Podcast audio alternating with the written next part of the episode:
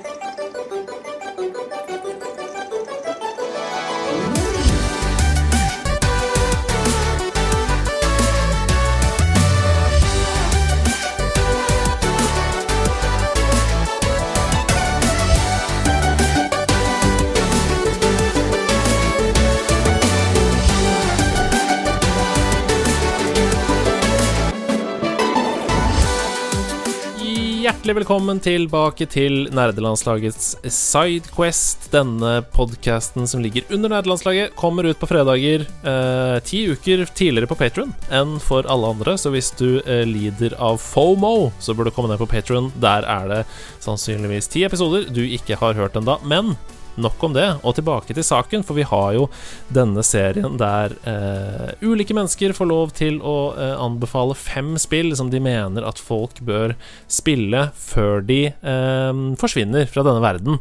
Eh, og med meg til å snakke om fem spill denne uka, så har jeg fått med meg rett og slett en eh, grunnlegger av et spillselskap som også streamer på Twitch. Eh, hun heter Henriette Myrlund. Velkommen!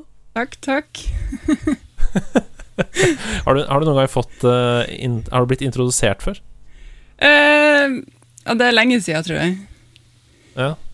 Brukte å bli uh, introdusert på sånne uh, musikkonkurranser og sånt da jeg var yngre, men ellers så er det ikke så veldig ofte at det skjer. det er en glede å kunne bidra til introduseringen. Um, vi kjenner jo hverandre ikke fra før, men jeg eh, datt over deg da jeg eh, fikk et tips om at du burde være gjest i nerdelandslaget.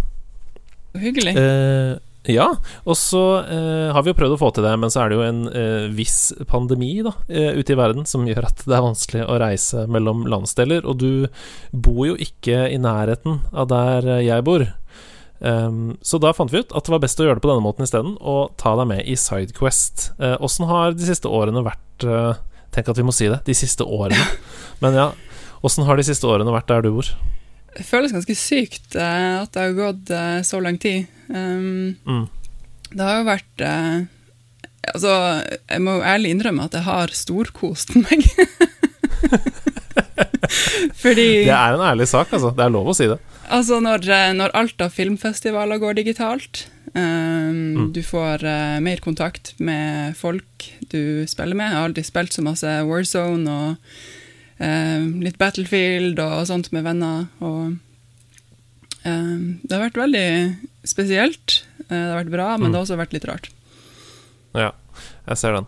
Um, kan ikke du fortelle litt uh, om det selskapet som du starta opp, Telly Cherry Games, i 2017? Ja. Um, så det her selskapet ble til um, på grunn av at jeg hadde et tidligere selskap som heter Pluspoint, uh, mm. der vi endte opp med å egentlig holde på med mest kundeoppdrag. Og jeg kjente at jeg var ikke helt klar enda for å uh, gi slipp på spillutvikling. Så um, jeg bestemte meg for at da starter jeg meg et eget selskap der jeg kan gjøre akkurat det jeg har lyst til å gjøre. å, det er en deilig følelse. Uh, og det er jo i 2017, så det har jo gått litt tid. Um, og da hadde jeg en spilleidé som uh, egentlig ble til med at jeg drev og arrangerte en hyttetur for venner over hele verden. Og det var jo hovedsakelig spillutviklere da, som jeg inviterte på hytta her i Nord-Norge. Ja. Um, og samtidig drev jeg også og arrangerte en game jam, altså en workshop på Hurtigruta, der vi inviterte mm. spillutviklere fra hele verden også.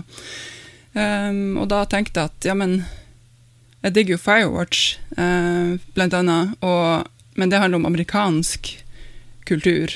Kan ikke vi fortelle en lignende historie for Nord-Norge? Så da endte jeg opp med å jobbe på et prosjekt som vi kaller for The Cabin. Wow. Det høres jo ut som eh, Det sjekker av mange bokser da, for meg, um, det spillet. Jeg elsker jo Firewatch og elsker den type spill også, så um, Går det an å si noe Jeg vet at man ikke skal spørre om de tingene, men går det an å si noe om sånn cirka hvor i prosessen dere er, eller? Eh, eh, er det noe sluttdato på uh, The Cabin? Uh, det er ikke noe sluttdato enda, fordi at vi har eh, jobba så ekstremt masse med å finne ut hva kjernen i prosjektet skal være. Så vi, har, vi kom ganske langt, eh, og så gikk vi kanskje tre steg eh, tilbake. der vi Ja. eh, røska litt opp i prosjektet. og for Først ville vi at det skulle være veldig lite altså gamifisert. Det skulle være, Alt skulle føles så ekte, og eh, ingen sånn HUD og ingen UI-elementer Mm. på skjermen. Men så fant vi ut at eh, det er klin umulig å lage et spill hvis det skal være sånn. Da kan vi bare lage en film. Eh, så da bare gikk vi all in med gamifisering, og, så vi har eh, endra konseptet ganske kraftig. Men at det Ja. fortsatt skal Jeg- føles jordnært. og Nei, Det er veldig spennende det du snakker om der, altså. Jeg kjenner meg veldig igjen i de tankene. Det er sånn VR, for eksempel. Jeg har jo liksom en eh, drøm om et VR-spill som er fullstendig fritt, og man kan gjøre hva man vil og sånn. Men så tenker jeg sånn Du må jo ledes i noen retning også. Hvis ikke så uh, er det veldig vanskelig å fortelle en historie. mm. Um, så ja, det, det er spennende. Um, åh, jeg, jeg håper dere blir ferdig med det. Jeg håper jeg får spilt det en gang. For de illustrasjonene jeg har sett, og sånn De er bare ja, rett opp min gate. Så uh, her er en pose med motivasjon fra meg. Takk, Uh, vi trenger det. så kanskje Nei, det går i konsekvent sneglefart, så det går framover. Det er den beste farten. Konsekvent sneglefart. Um, bare for å få sånn litt kjøtt på beinet før vi begynner å snakke om de fem spillene som du har tatt med deg. Uh, hva slags spiller er du? Hva slags spill liker du? Uh, jeg tror jeg må si at jeg liker det meste. Um, Mm. Jeg prøvde å ta en sånn test en gang for å sjekke ut hva slags profil jeg var, og jeg bare havna i alle retninger. Jeg liker liksom strategispill, jeg liker førsteperson skytespill, jeg liker alt mulig, tror jeg.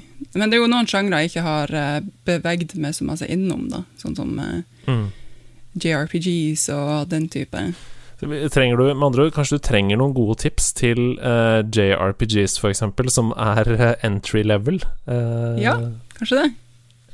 Ok, folkens. Utfordringen er der. Skriv det i kommentarfeltet uh, på Patron. Eller, eh, eller send det på melding til meg på DM. Eh, entry level JRPGs. Eh, så blir dette 2021 året hvor Henriette tar steget inn i en ny sjanger. Ja. Men du, en siste ting før vi går i gang her. Fordi det har jo vært en lockdown. Du har sagt at du har kost deg veldig i denne perioden. Og det er ikke så rart, for vi har jo liksom vi, vi som er digitale og spillere og sånn, vi har jo mulighet til å fortsette å være sosiale. Men det har ført til Jeg vet ikke om det er en direkte konsekvens, da, men du har begynt å streame på Twitch. Jeg skulle egentlig begynne å streame for kanskje fem-seks år siden, men uh, uh, jeg er jo i pingla på sånt. Så uh, jeg har egentlig ikke fått ut fingeren før nå. Så det var vel egentlig i fjor, under lockdown, at jeg begynte å plukke fram den ideen igjen. Um, Og så er det vel siden kanskje februar at jeg har prøvd å gjøre det kanskje to ganger i uka, ca. Åssen syns du det er? Det er veldig artig. Det er jo litt sånn merkelig. Jeg, synes man, jeg føler meg litt som en sånn narsissist. Du lager din egen eh, Discord-kanal. Eh, du er på skjermen, på kamera, folk snakker til deg. Det er en sånn veldig sånn rar ting, men jeg har egentlig gjort det bare for å utfordre meg selv. Um, Ja. Så jeg jobber jo en uh, rockefestival også, med kommunikasjon, og jeg hadde veldig lyst til å bli mer komfortabel foran kamera. Eh, for eksempel stå og intervjue. Og jeg merker allerede nå, etter et par måneder, at det tror jeg ikke er et så stort problem lenger. Nei, det er helt enig, ass. Det gjør eh, underverker. Det er jo bare mengdetrening, liksom, det handler Ja. om. Um, å bli vant til at uh, Ja, det kameraet er eh, Samme om det er på eller av. Det er, etter hvert så er man den samme personen uansett. Ja. Men um, bare, bare helt til slutt, hvor er det man kan finne deg hvis man har lyst til å gå inn og se på deg streame? Eh, så kanalen min heter Punkyfish, men uten U, så PNKY Fish. Pink, Pinkyfish. Jeg trodde yeah. nemlig det var Pinky som i Piraten. Ja. Pinkyfish. Eh, de fleste fant jeg ut kaller meg eh, Pinkyfish når man leser det. Um, men jeg måtte vel bare bestemme meg for hva jeg skulle gå for til slutt, og da ble det Punkyfish, Ja. som jeg egentlig bestandig har hatt. Så eh, jeg forvirra noen folk i starten. Jeg liker det veldig godt, jeg, Punkyfish. Det sitter godt. Gå inn på Twitch og TV slash Punkyfish hvis man har lyst til å høre mer, eh, og se mer, ikke minst, av Henriette. Men la oss komme i gang. Jeg har sortert spillene som du har sendt til meg på melding, eh, kronologisk, som vil si at vi begynner med det eldste. Og da skal vi til en tid eh, der dataspill var helt annerledes. I kjølvannet av SimCity så kom det en rekke simulatorspill der du kunne hoppe inn i ulike mm, yrker, levemåter, og prøve å eh, prøve å bli en eh, baron innenfor de forskjellige yrkene. Og dette eh, Jeg tror ikke det var mulig å bli mer baron enn i dette spillet, for i dette spillet kunne du bli nemlig en pizzabaron. Jeg snakker om Pizza Tycoon.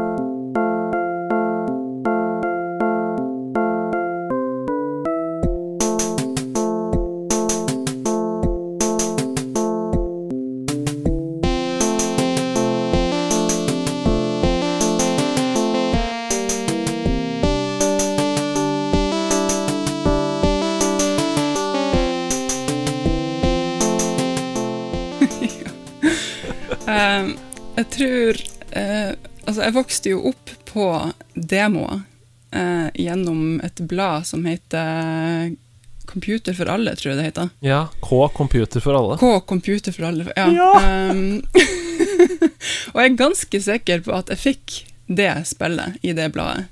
Ja. Eller så må jeg få det fra en eller annen plass. Jeg klarer ikke å huske helt, men jeg bare antar at det er saken. Og da må ha vært ganske lita, eh, og det er så vidt jeg, jeg fatter ikke at jeg skjønner hva jeg holdt på med eh, når jeg spilte det spillet. For der skal du bygge opp et sånn pizza eh, imperium, emporium, jeg vet ikke hvordan man sier det. ja, ja, ja.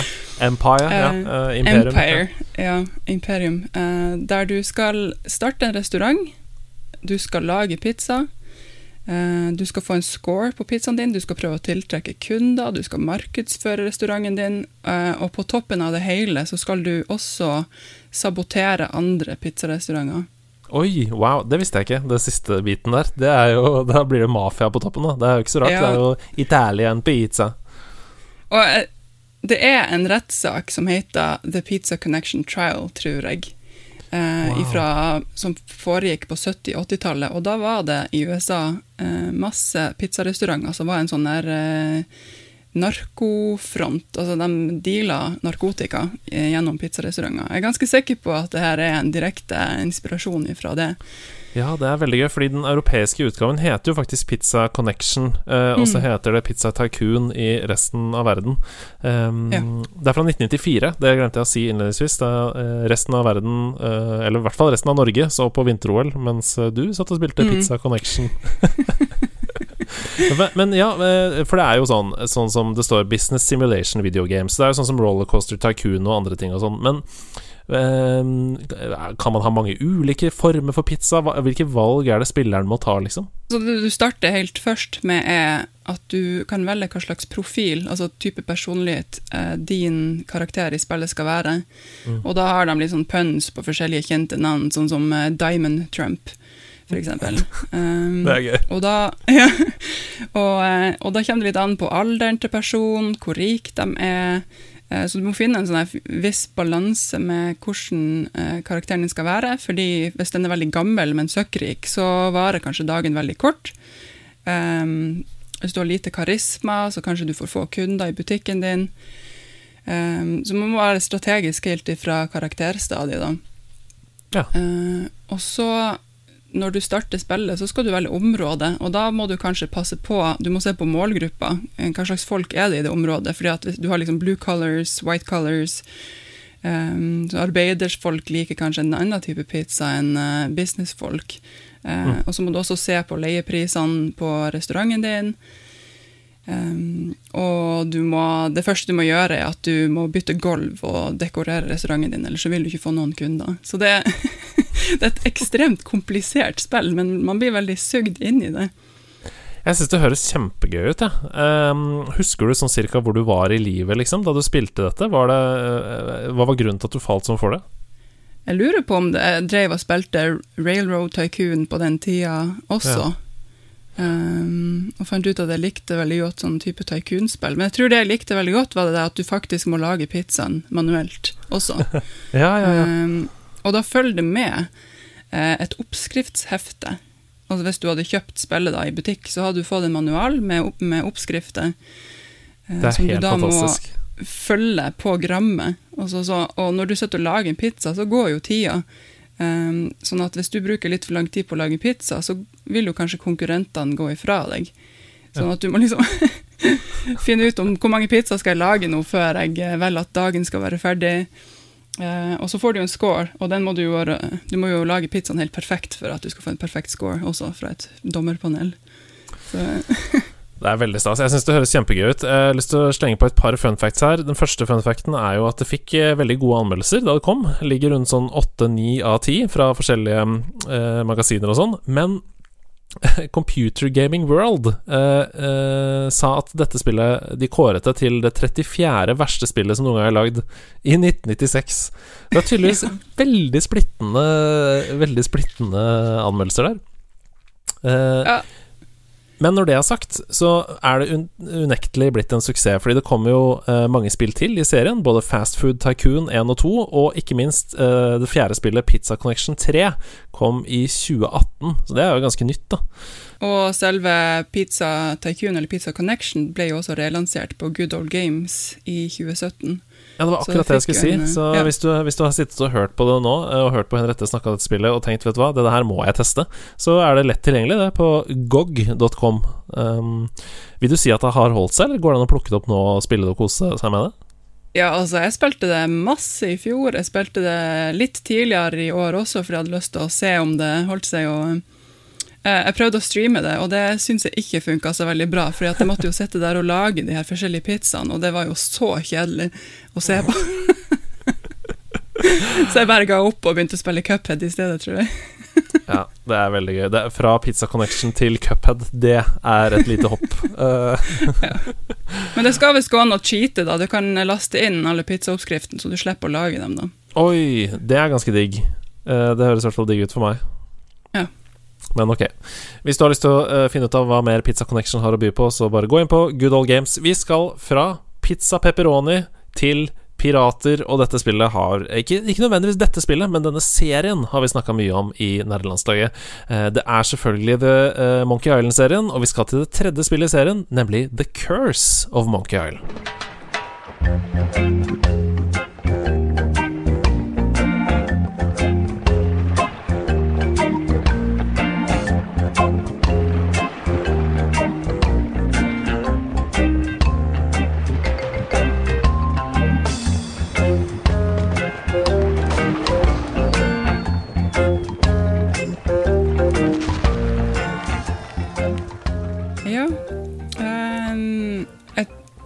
Har jo følelsen av at de fleste liker Monkey Island 2 best.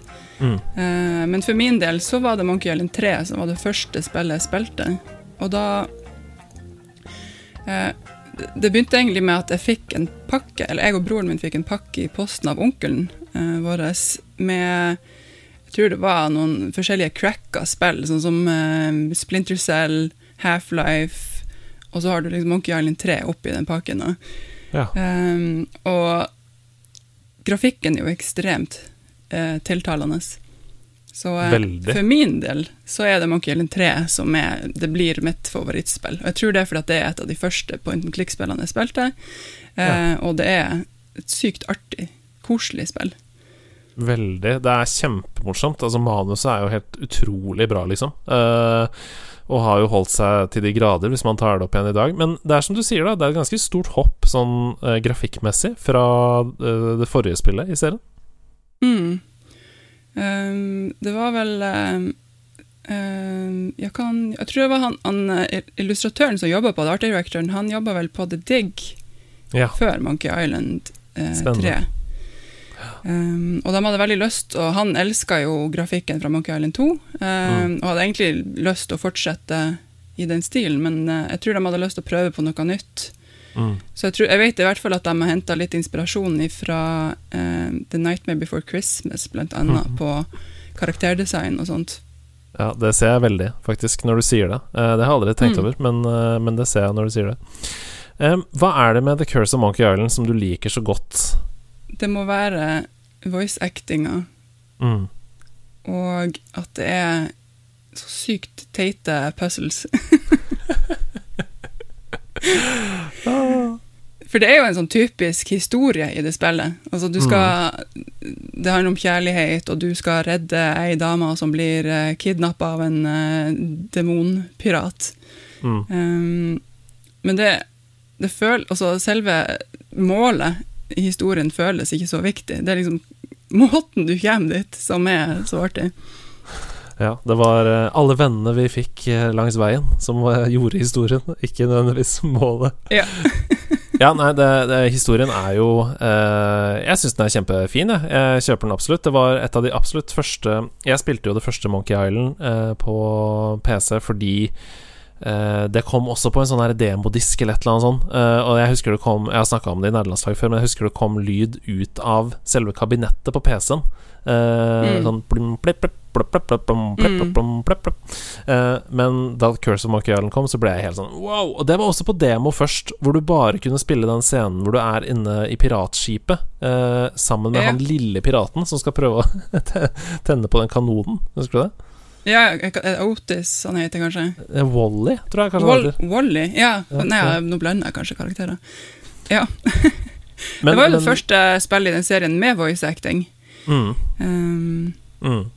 Nei, det er jo et klassisk pek og klikk-spill der, da. Og, eh, og, nå husker jeg hva det var jeg skulle si. Um, de puzzlene, det var det vi snakket om. Er det, noe, er det noe spesielt puzzle du husker godt, som du har lyst til å trekke fram fra Monkey Island 3? Uh, eh, skal vi se jeg har jo spilt det spillet der så sykt mange ganger. ja, det, Men, man blir jo litt sånn putta on the spot også, når jeg bare sier sånn Kan du, kan du si, si et Og så blir man også veldig sånn Ja, da må jeg sikkert trekke fram det som jeg liker best, men det trenger jeg ikke å si. Bare finn, finn fram et eller annet. Det er jo eksempel en puzzle der du blir spist av en slange.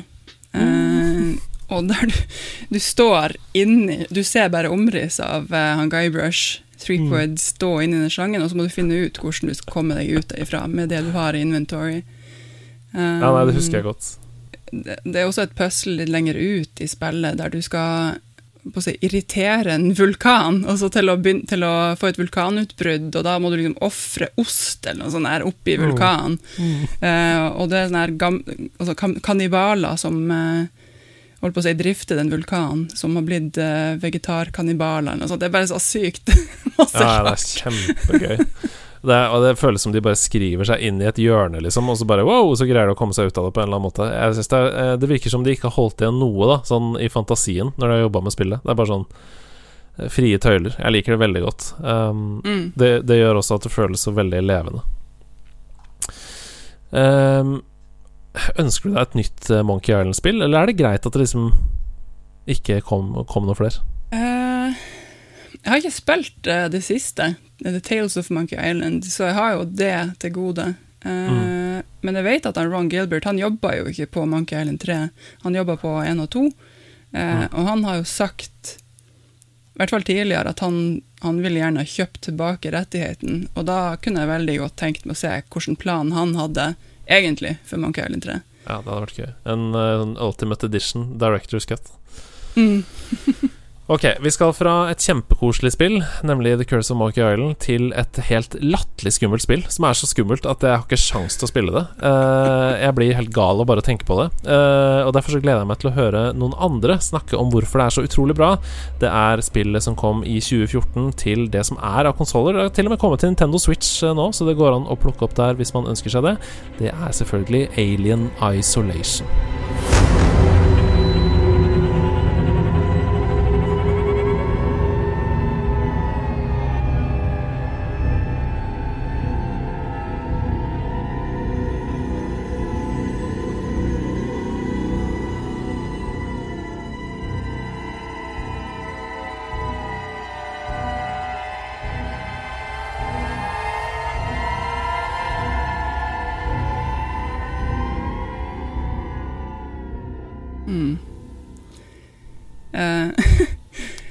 Det her er jo et spill som jeg har sett venner spille i mange år. Mm. Um, jeg har til og med sittet og flirt og filma venner som har spilt det fordi at de blir så redde. ja. um, og så begynte jeg jo å streame, og jeg sa at etter hvert så skal jeg spille Alien Isolation på stream. Oi, um, det er bra stream. Ja, og det viste seg jo at det er jo et perfekt uh, streamespill. Mm. Uh, for det første fordi uh, jeg visste ikke at jeg uh, kunne hyle så av et skrekkspill. og i tillegg så spilte jeg med noise detection. Oi, og, det er gøy.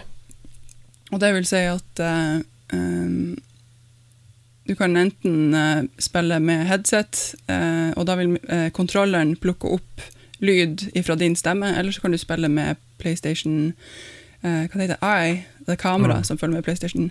Mm. Um, så at når du lager en lyd, så vil du tiltrekke alien. Ja, det er jo helt sjukt. Jeg, jeg har sett noen sånne streams og sånn hvor uh, de som streamer, sitter og holder seg for munnen. For de, de vil ikke Ja. lage lyd. Nei, jeg hadde det sånn at folk kunne aktivere ti minutter om gangen, så jeg fikk litt pause. Men uh, de syntes det var sykt artig når jeg først uh, gjorde det, for da gjorde de jo alt de klarte for å få meg til å hyle. Så um,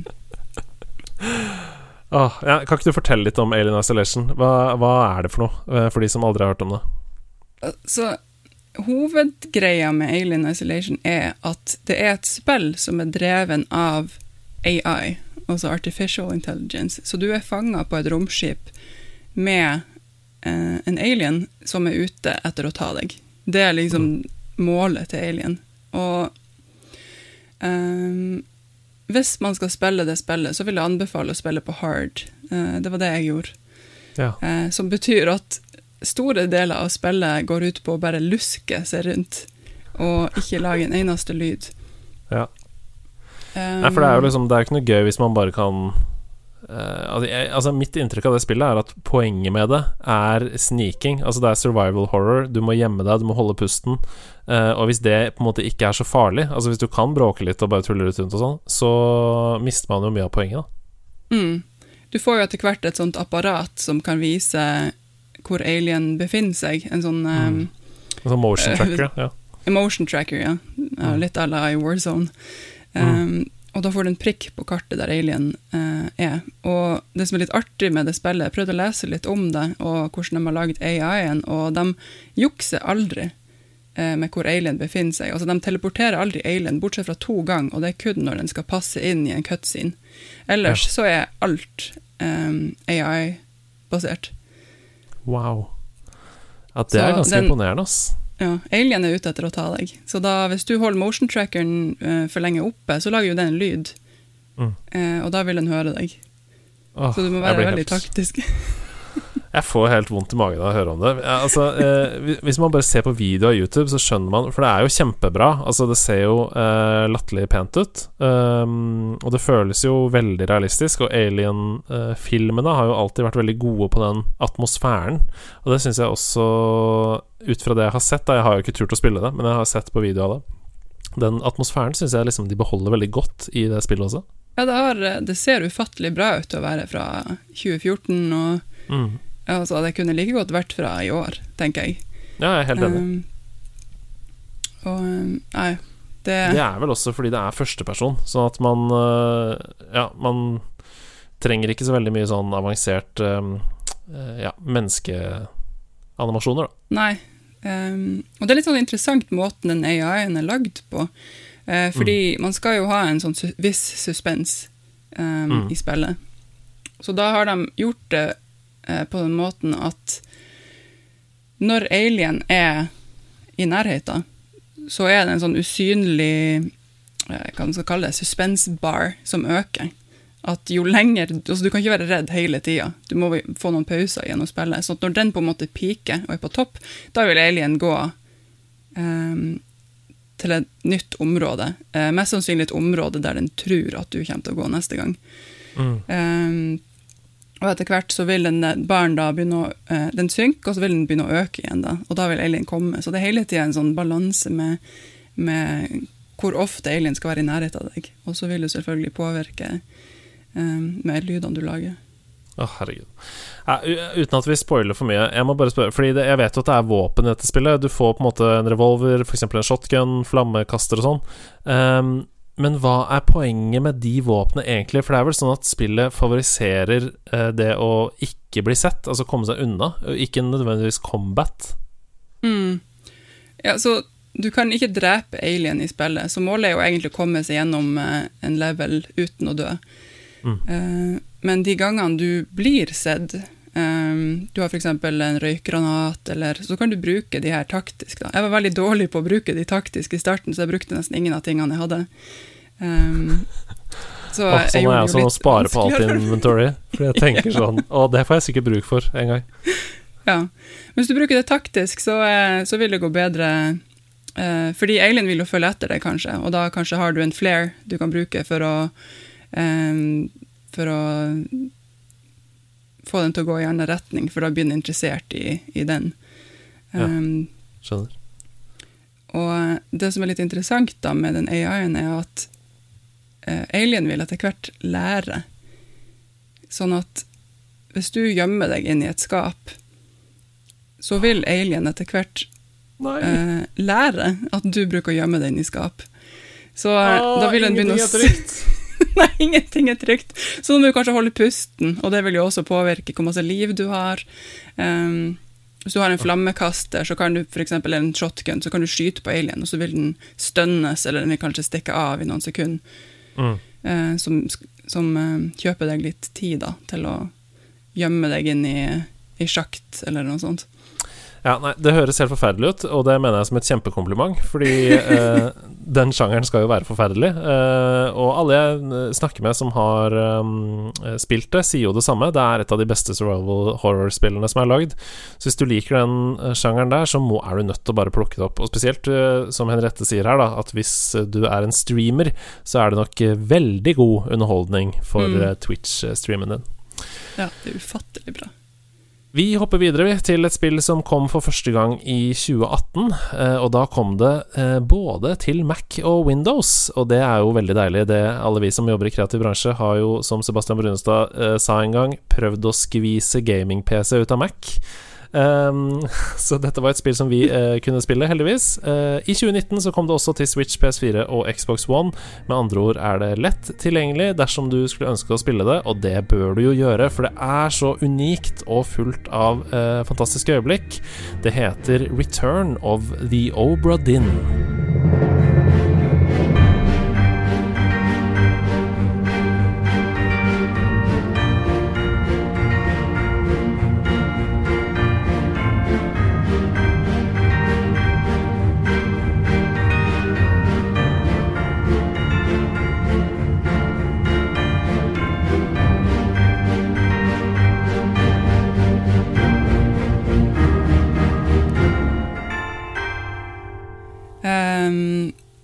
Tror jeg må si at det her er altså, Jeg kan ikke vet ikke hvor mange Man kan vel kanskje kalle det et point and click-spill, eh, Ja. på én måte. Eh, Ja. Bare en litt annen form. Det er liksom et puzzle-spill. Mm. eh, Et detektivspill. Ja, med liksom point and click-elementer. Eh, ja, bare, bare snakk om det, du. Bare, bare snakk om hva du Ja, så du er en forsikringsagent, tror jeg. Det altså tittelen din er. Du jobber i hvert fall for et forsikringsbyrå, eh, mm. og du har fått i oppgave å gå om bord i The Obra Dinn, som er en eh, båt, eh, der hele mannskapet, 60 personer, er døde. Mm. Eh, og båten er fylt med eh, lik overalt, altså beinrester og sånt. Eh, og med deg så har du ei slags klokke, eller ei stoppeklokke, eller noe sånt magisk. Sånn at når du du kan aktivere den klokka over et lik, og da vil du se de siste sekundene av livet til den som døde, og hva som skjedde. Mm. Eh, Så din oppgave er å finne ut hvem er den personen som er død, hva ble de drept av, og hvem drepte dem. Mm. Eh, og da har du ei loggbok med deg, der du skal loggføre eh, alle disse tingene. Den loggboka inneholder også et, eh, et eh, portrettbilde, altså et sånt eh, crew-bilde av alle som var på båten, sånn at da kan du begynne å matche ansiktene til dem i minnene med det bildet. Så du kan på en måte, du, det er sånn deduction game, da. Du skal finne ut, uh, luke ut uh, hvem som døde og hvordan det skjedde. Og så jobber du deg bakover i historien. Mm. Um, og det er bare så ufattelig unikt. Altså, det er jo sånn svart-hvitt-spill, eh, litt sånn kornete grafikk. Eh, det er laget av én person, Lucas Pope, han som lagde Papers Please. Mm. Det ser nesten ut som det eh, Uten å fornærme det i det hele tatt, for det er en veldig unik og, og kul artstil, så det er ikke det, men det ser nesten ut som du spiller på en kalkulator. Eh, sånn, sånn Texas uh, ja, sånn Texas-kalkulator. Instruments-kalkulator, ja. Eh, men ja, det ser jo ut som sånn veldig tidlige PC-spill, da. Uh, egentlig. Men, men, uh, samtidig så har du jo ganske avansert 3D og sånn innimellom, så det føles som the, the, best of both worlds, på en måte. Mm. Så da, det du må gjøre, er at du må jo bevege deg inn i minnet, og noen ganger så blir du kanskje litt lurt med at det ser ut som en person dreper en annen, og så var det kanskje noen bak veggen som gjorde det i stedet. Mm. Um, og du må begynne å lete etter clues. Eksempel, hvis det er fire damer på båten, så heter hun ene Mrs. og andre Miss, og kanskje hun ene har ring på fingeren. Og det er liksom masse masse smådetaljer du må lete etter for å klare å finne fram til hvem som, hvem som gjorde hva, og hvem de er. Mm. Um, og jeg, jeg tror jeg vil, jeg vil, tro at det er et ganske vanskelig spill å spille alene, men det er et perfekt eh, spill å spille i lag med noen. Ja, selvfølgelig er det det. Ja, det er litt sånn som mm. det spillet til Jonathan Blow, som jeg aldri husker navnet på. Eh, The Witness. ja, The Witness. Det er også sånn som er mm. kjempebra å spille med noen andre, som kan på en måte ta notater underveis, og så kan man minne hverandre på hva man har gjort og sånne ting, sånn at ikke eh, hjernen eksploderer helt. Ja, jeg spilte både Obradin og The Witness med mannen min. Um, ja. Og da satt jeg med The Witness med stor, et stort whiteboard på fanget og satt ja. og tegna puzzle. Sammen med Resident Evil Remaster. Da satt jeg og tegna kart på iPaden mens han styrte. Og, ja, det. det er så herlig nerd. Jeg elsker det. Um, nå kommer jeg på et annet spill som minner meg veldig om Return of the Obra din, og det er Her Story. Har du spilt det? Ja. Mm. Det er jo litt av det samme. Du sitter og avhører noen, og så må du sette sammen de forskjellige eh, opplysningene du finner, eh, og finne sannheten. Ja, der gjør du det vel kanskje Ja, du må stable dem, de klippene som videoklipp i rett rekkefølge, da, for å finne mm. ut hva er historien her. Ja, mm. det er litt, litt samme. Litt sånn deduction. Eller som kortspillet Mafia. Nei, hva det heter det? Secret Hitler. Ja, Secret Hitler, selvfølgelig. Ja, det er gøy. Um, det som er fint med lista di hittil, det er jo at alle spillene dine er ganske lett tilgjengelige, og alle spillene dine har definitivt holdt seg. Uh, og en av hovedgrunnene til at The Return of the Obra Dinn har holdt seg så godt, er jo den veldig unike og tidløse art-stilen. Så uh, hvis du liker noen av de spillene vi har lista opp nå, uh, The Witness, Her Story, sånne spill, litt sånn slow-paced, krimaktige spill, så er virkelig Return of the Obra Dinn masse, masse for deg, og jeg kan ikke fatte at det koster noe særlig nå. det må jo være uh, nesten gitt bort. Uh, som er synd, fordi det er verdt masse penger. Det er jo et kjempebra spill. Mm. men likevel, gå og plukk det opp, da vel, hvis du ikke har spilt det og er bitte lite grann intrigued av det vi har snakka om. Ok, vi skal til det siste spillet på lista di. en veldig etterlengtet oppfølger. Jeg har nettopp fullført det, faktisk på stream. og guri malla, jeg syns det var bedre på alle måter enn det første spillet. Og det første var heller ikke noe dårlig. jeg snakker om Little Nightmares 2.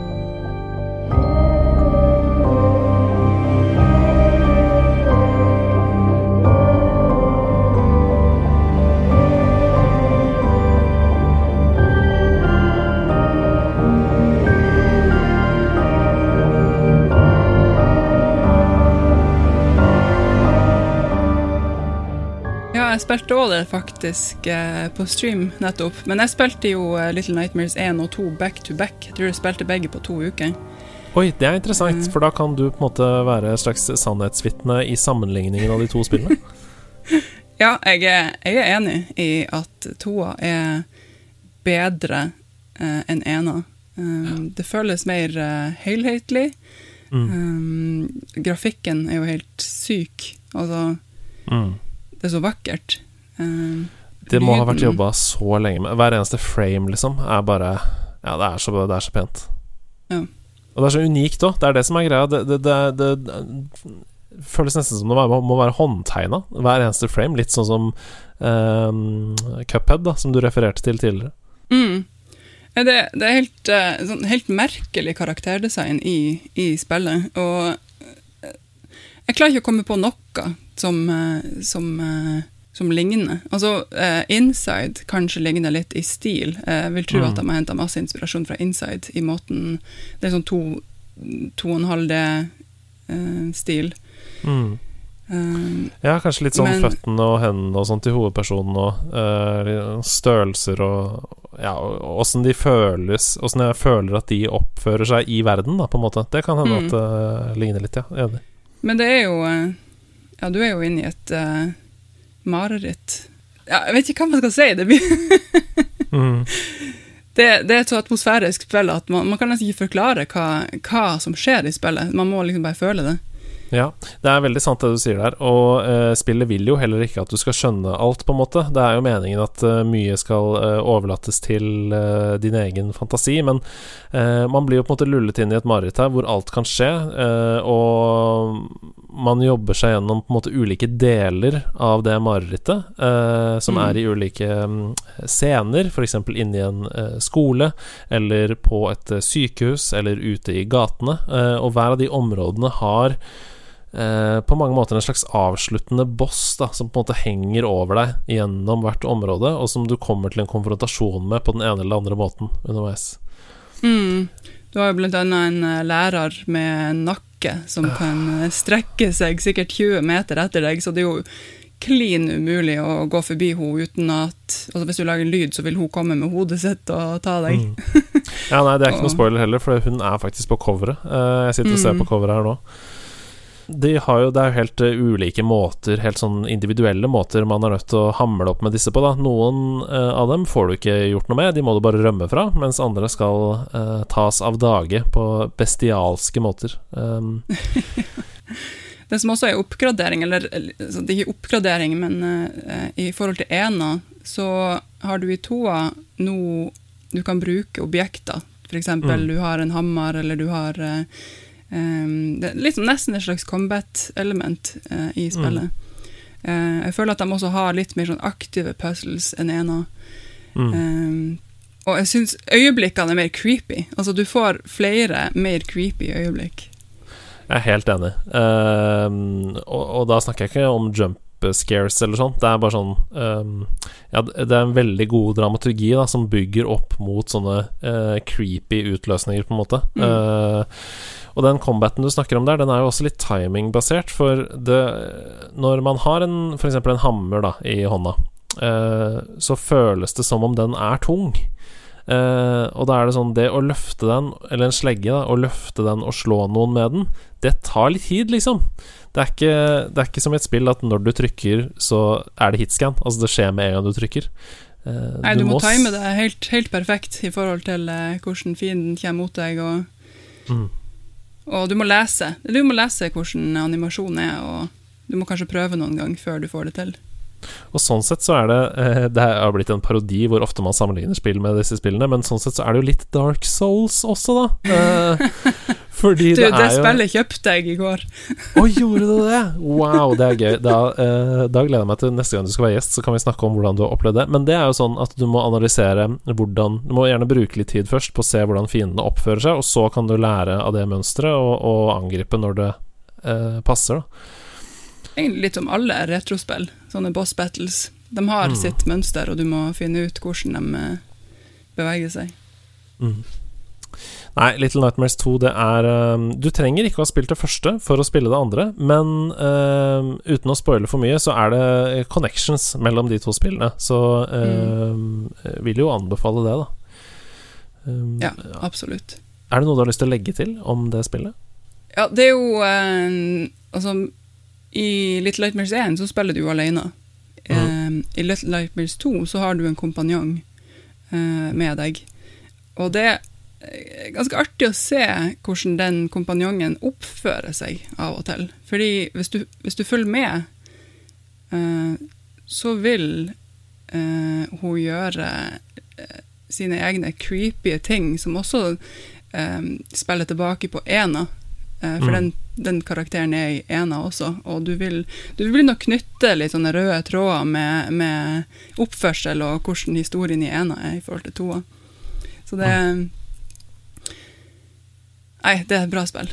Ja, det er et kjempebra spill, og det som du sier der, at det faktisk er to karakterer, gir jo en viss mer dybde til puzzlen òg, da. For det eh, gjør jo at man kan lage oppgaver som man er nødt til å forholde seg til to personer istedenfor én, f.eks. Eh, Og løfte noe der som skal være åpent når den er der, og, og sånne ting. Men ja, jeg, jeg, jeg syns at um, det er litt sånn undervurdert tematikk som man ikke har snakket så mye om i de spillene, som handler om hvor langt man er villig til å gå for å overleve. Eh, innimellom. Fordi ja, det, både i det første spillet og det andre spillet så skjer det noen svik, altså. Som er litt sånn vonde eh, å deale med. Det er sånn Å, shit, ja. Ok. Ja. Eh, hvordan skal jeg forholde meg til deg fra nå av og ut, på en måte? Nei, det er, det er en eh, historie som har en eh, full circle, og det er den gjør, Det gjør vondt, men det, det gir mening også, så det uten, å, uten å si så mye mer. Uten å si så mye mer, bare gå og spill det. Jeg er helt enig. Um, det er det vi må oppsummere med. Tusen hjertelig takk, Henriette, for at du tok med deg fem spill til Sidequest. Uh, jeg kan si med hånden på hjertet at det er fem spill som Bortsett fra Pizza Tycoon, da. Det har jeg ikke spilt. Pizza Connection. Uh, men det skal jeg jammen meg ta og teste ut uh, på Good Old Games. Men ja, jeg kan si med hånden på hjertet at det er spill som er verdt og virkelig verdt å spille. Um, håper du hadde det fint, og at du vil komme tilbake til nerdelandslaget en annen gang. Veldig gjerne. Når dette åpner opp, så kanskje vi kan dra på turné og stikke innom deg i Tromsø og lage noen episoder der, eller andre veien. At du eh, setter deg i den raske bilen din og kjører ned til Oslo. Dere er i hvert fall vel, eh, veldig velkommen opp til nord. Det er bra. Da kan vi ta en liten runde og så spille inn litt med Lolbua og litt med noen andre ting mens vi er Mm. i, i høgda. Ok, du får si ha det til lytterne på den hyggeligste måten du kan. Ha det bra, alle sammen!